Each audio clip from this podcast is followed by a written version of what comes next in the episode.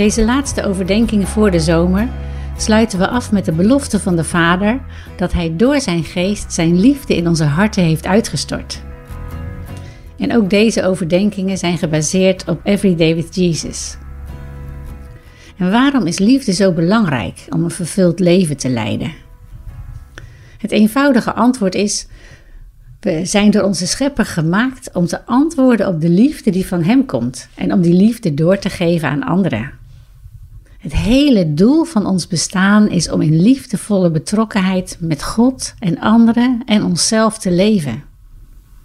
En liefde is een powerpack, een krachtkern die God in, in het centrum van onze persoonlijkheden heeft geplaatst en die ons energie en motivatie geeft. Het originele design is door de zonde verstoord.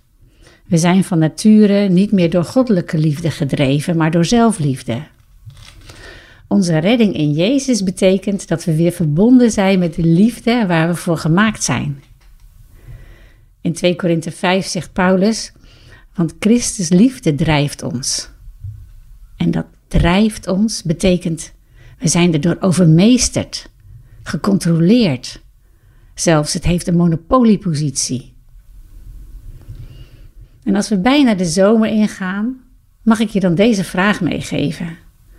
Wat drijft jou in je christelijk leven?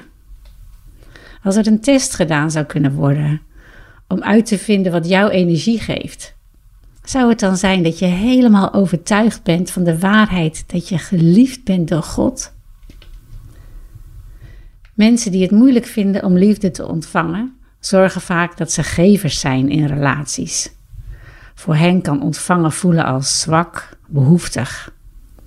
En voor je het weet, ben je dan hard aan het werk. Ben je druk bezig je leven te regelen en alles zo goed mogelijk te doen. Het kan ook zijn dat je wel van de liefde van God hoort, maar zo vaak dat het een lege frase wordt.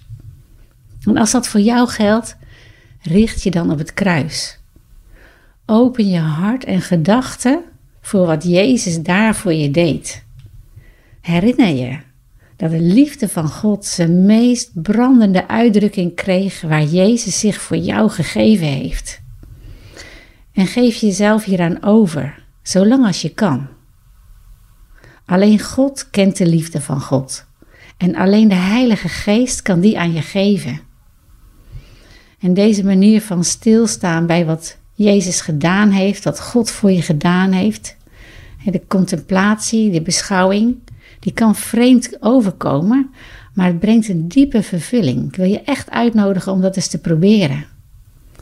Johannes zegt: We hebben de liefde van God leren kennen en vertrouwen daarop.